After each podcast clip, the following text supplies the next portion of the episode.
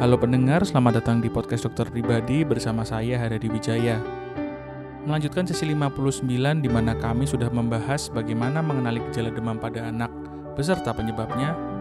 Di sesi ini kami kembali berbincang dengan Dr. Winda Yanuarni Meye, spesialis anak, mengenai bagaimana memberikan pertolongan pertama demam pada anak. Kapan kita harus membawa anak kita ke dokter, dan beliau juga berbagi informasi mengenai skala penanganan yang sering terjadi pada anak-anak kita.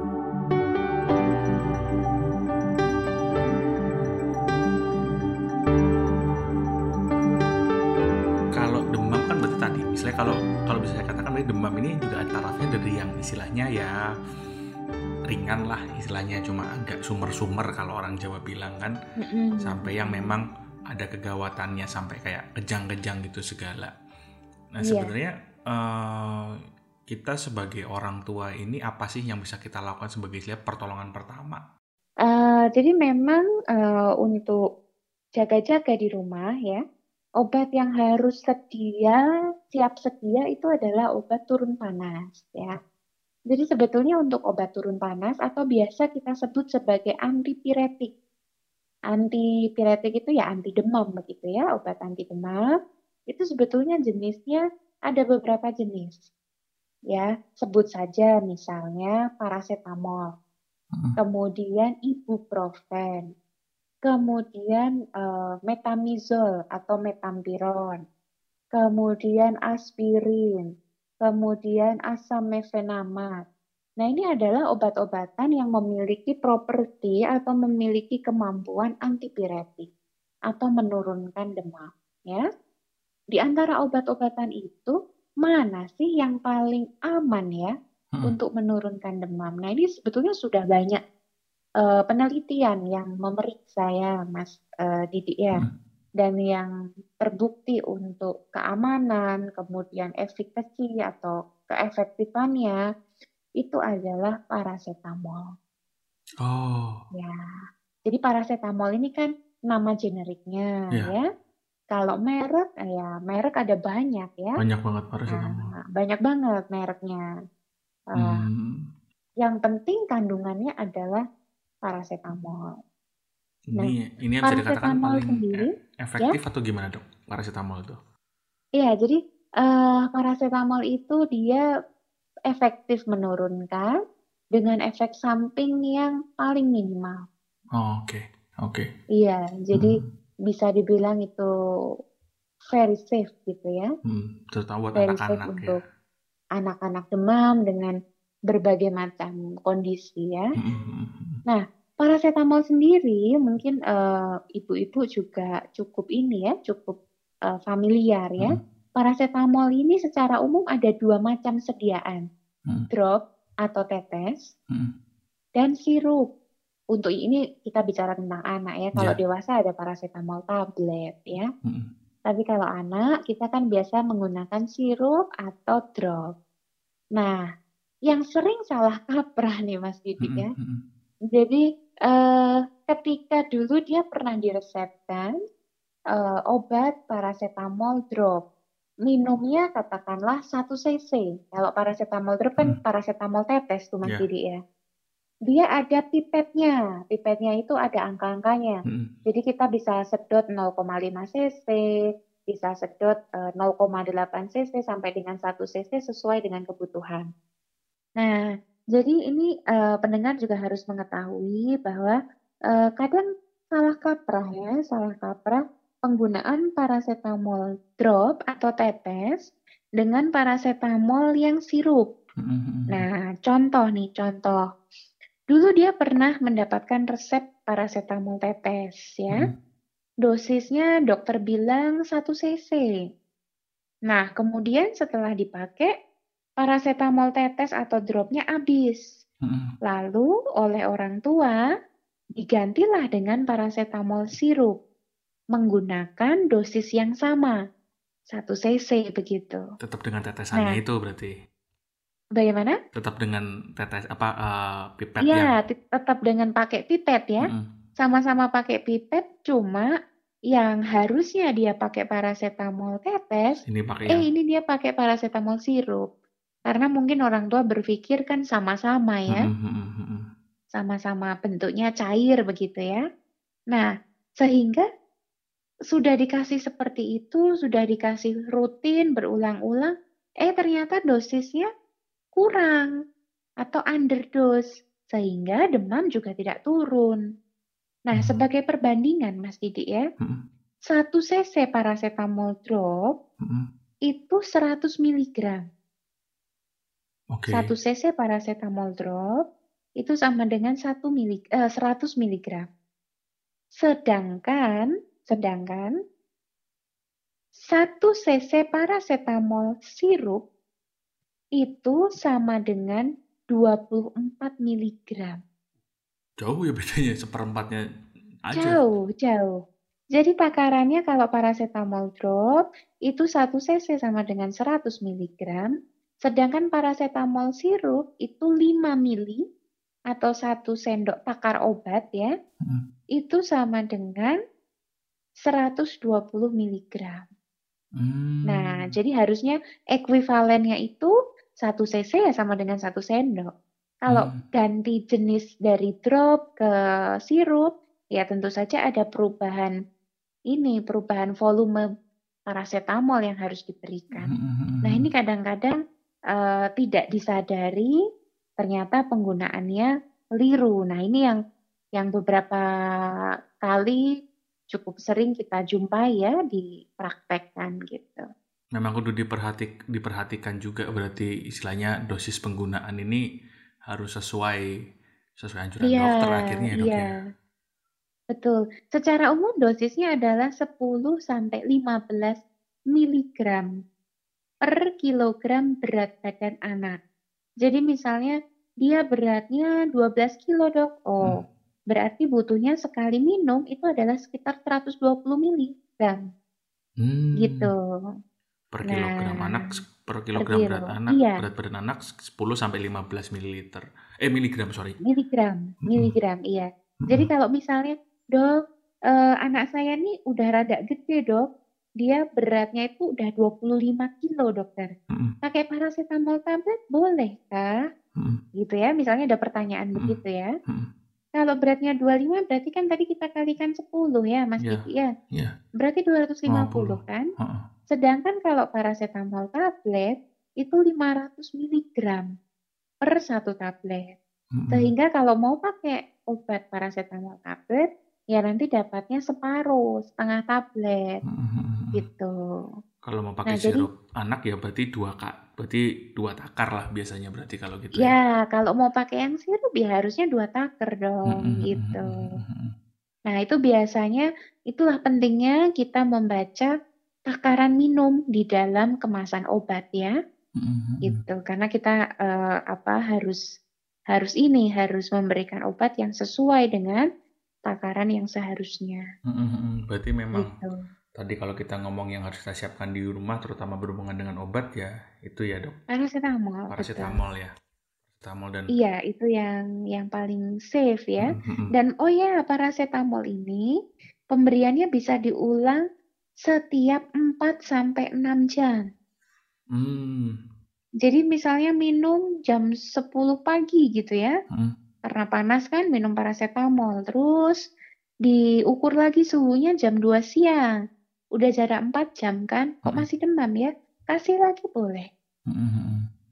Nah, itu setelah hmm. itu Jadi setelah setelah berapa kali maksudnya gini, setelah pengguna atau bantuan dari paracetamol kemudian obat yang jangan di rumah hmm. itu kalau memang istilahnya berlanjut istilahnya simptomnya berlanjut baru kita istilahnya memang harus kita bawa ke dokter ya kira dok ya kalau gitu. Iya, iya. Kalau kondisi anaknya baik ya, hmm, hmm. kita bisa tunggu sampai 2-3 hari. Oke. Okay. Tapi kalau kondisi anaknya itu sakit, uh, lebih lemas, lebih ini, lebih itu, ya mungkin hanya satu hari atau bahkan sesegera mungkin harus diperiksakan. Hmm. Ya, ya, iya. Ya. Nah, itu terkait dengan uh, penanganan yang obat ya, hmm, persediaan obat yang harus disimpan di rumah. Nah, selain obat, ada juga loh cara-cara menurunkan demam. Oke. Okay. Nah, caranya itu kalau dulu mungkin uh, pendengar juga Mas Didi uh, pernah tahu ya, pernah tahu atau pernah mendengar uh, dengan memberikan kompres alkohol di ketiak, kemudian di selangkangan, kemudian di siku, di lipat lutut ya, di sela-sela itu. Uh, dulu beberapa beberapa apa ya, beberapa keluarga mungkin menerapkan seperti itu ya, Mas Didi ya. Mm-hmm. Yeah. Tapi ternyata penelitiannya nih, penelitiannya bilang kalau kompres dengan alkohol itu ternyata tidak lebih baik dibandingkan kompres dengan air. Oh, oke. Okay. Dan justru dan justru penggunaan kompres alkohol di sela-sela lipat tubuh tuh ya, tadi hmm. seperti ketiak, selangkangan itu ya. Hmm itu justru menimbulkan risiko yang bisa berbahaya kalau alkoholnya ini terhirup. Oh iya. Nah, kalau seandainya waktu menyiapkan ya karena panik kan, uh, uh, uh. ya momi atau orang tua panik, uh, uh. kemudian pas nuang alkoholnya tumpah. Nah ternyata tumpahnya kebetulan pas uh, area hidung atau area wajah. Nah ini kan justru berbahaya ya, karena alkohol yang terlalu banyak terhirup itu bisa menimbulkan uh, gejala yang mengganggu seperti hipoglikemi atau bahkan sampai penurunan kesadaran. Hmm. Dan secara efektivitas dia tidak lebih baik daripada kompres air. Jadi kompres dengan alkohol pada lipat-lipat bagian tubuh ini tidak tidak kami anjurkan. Hmm tidak disarankan ya. Kalau memang mau kompres dilipat-lipat tubuh, gunakan uh, kasa yang diberi air biasa. Itu malah lebih safe, oh, lebih aman okay. begitu ya. Airnya, nah, so, sorry dok, mm -hmm. uh, motong. Ya. Airnya itu air biasa ya, karena karena ada juga nih ini ini pertanyaan yang uh, datang dari pendengar kita. Sebenarnya ngompres yang benar pakai air apa sih? Air dingin kah? Air biasa kah? atau iya. malah air hangat Kalau malah. kompresnya posisinya dilipat-lipat tubuh, hmm. itu mau pakai air biasa itu bisa Mas Didi. Jadi okay. tidak harus air es ya, okay. gunakan air biasa. Itu sebagai pengganti alkohol yang hmm. saya sebutkan tadi ya. Hmm. Tetapi ada juga uh, kompres yang didahi. Ya. Yeah. Ya, mungkin kita sering-sering ini lebih lebih sering menggunakan kompres yang didahi. Hmm. Nah, Kompres yang didahi ini yang benar itu adalah menggunakan air hangat. Oh, bukan okay. dengan air es. Oke, oke, oke, oke, oke. Iya. Uh, uh, karena uh, kompres dengan air hangat ini dia berkaitan dengan rangsangan terhadap pusat pengaturan suhu tubuh. Jadi di otak kita ini Mas Didi ada suatu area yang disebut sebagai hipotalamus. Hmm. Nah, hipotalamus ini adalah pusatnya termoregulasi atau pengaturan suhu. Hmm. Nah, kalau kita memberikan kompres hangat, kompres hangat tersebut memberikan rangsangan terhadap hipotalamus supaya dia mengeluarkan mekanisme cooling down atau menurunkan temperatur itu tadi. Oh, ya ya ya ya ya ya. Ya, sedangkan sedangkan apabila kita mengompres anak dengan air dingin, apalagi mungkin pakai air es begitu ya, justru rangsangan yang sebaliknya yang kita berikan. Kita hmm. malah memberitahu hipotalamus bahwa, oh udah dingin nih. Hmm. Sehingga hipotalamus, si pusat pengaturan suhu itu tidak lagi menurun, uh, membuat mekanisme untuk menurunkan suhu tubuh. Gitu. Oke, oke, Jadi oke. malah ini ya, malah tidak turun keliru. Hmm, keliru atau salah kaprah ketika mengompres anak itu dengan uh, menggunakan air dingin. Dingin gitu. kalau di dahi. Oh, iya. Okay. Jadi dahi Dan berarti... bahkan penggunaan kompres air dingin ini juga bisa mengakibatkan uh, perubahan set point atau perubahan istilahnya perubahan uh, pembacaan suhu tubuh di hipotalamus sebagai pusat termoregulasi atau pengaturan suhu dan justru berakibat pada menggigil ya. Di kompres dingin malah jadi menggigil gitu karena ada perubahan set point di hipotalamus itu tadi. Berarti kalau ngompres jadi, itu kalau dahi hmm? baiknya air hangat tapi kalau dilipat-lipat tubuh pakai air biasa saja untuk membantu menurunkan berarti ya dok ya? Iya, air biasa boleh, kemudian air hangat pun juga boleh, tapi tidak tidak dengan menggunakan air es mm -hmm. atau air dingin ya, mm -hmm. dan tidak dan tidak menggunakan alkohol. Tidak, ya, karena ya itu resikonya tidak sebanding dengan efeknya kira kalau menggunakan alkohol ya dok ya? Ya, bisa dibilang seperti itu.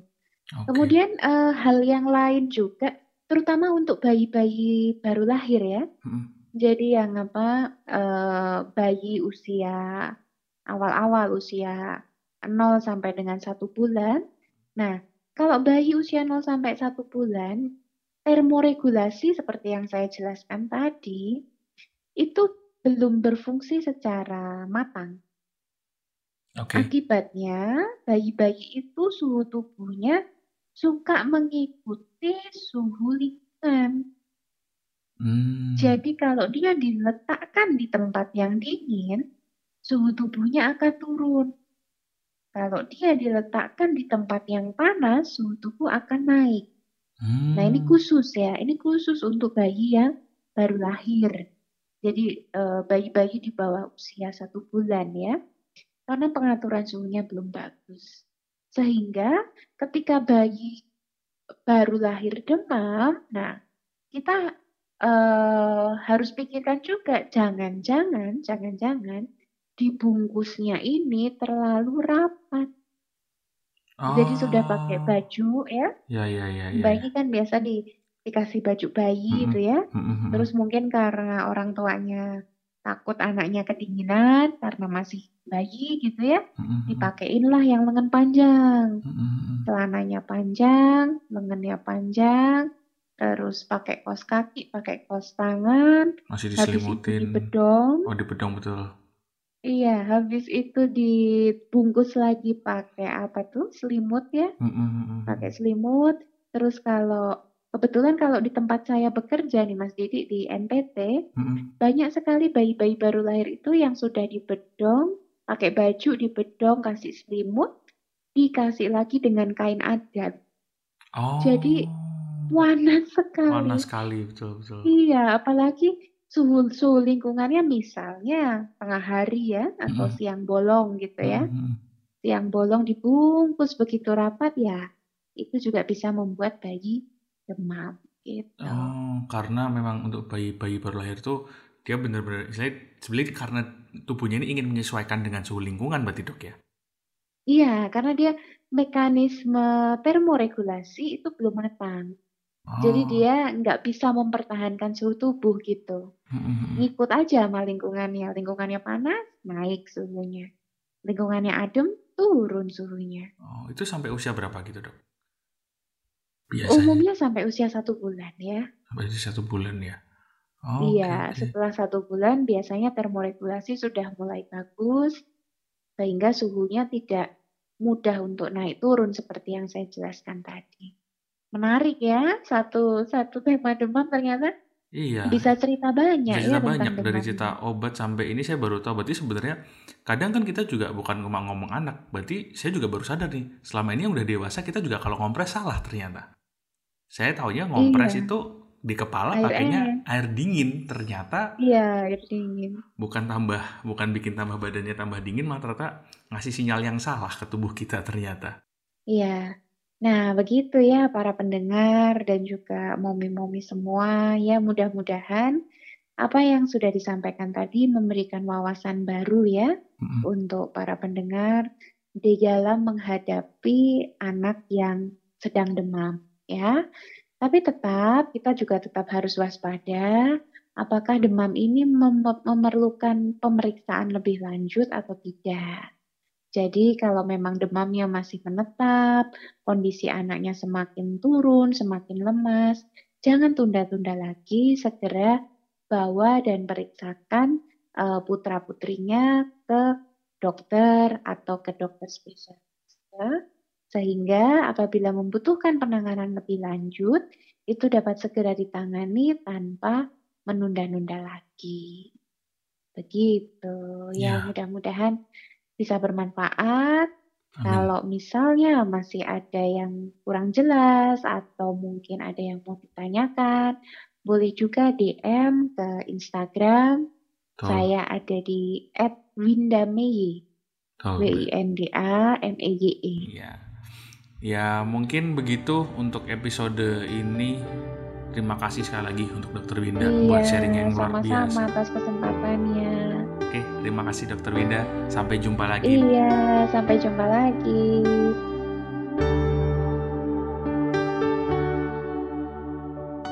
Ingin bertanya lebih lanjut mengenai topik sesi ini, atau ingin mengusulkan topik-topik kesehatan untuk kami bahas dengan ahlinya? Jangan lupa follow dan DM melalui akun Instagram kami di @dokter.pribadi.official. Sekali lagi, akun Instagram kami ada di @dokterpribadi.official.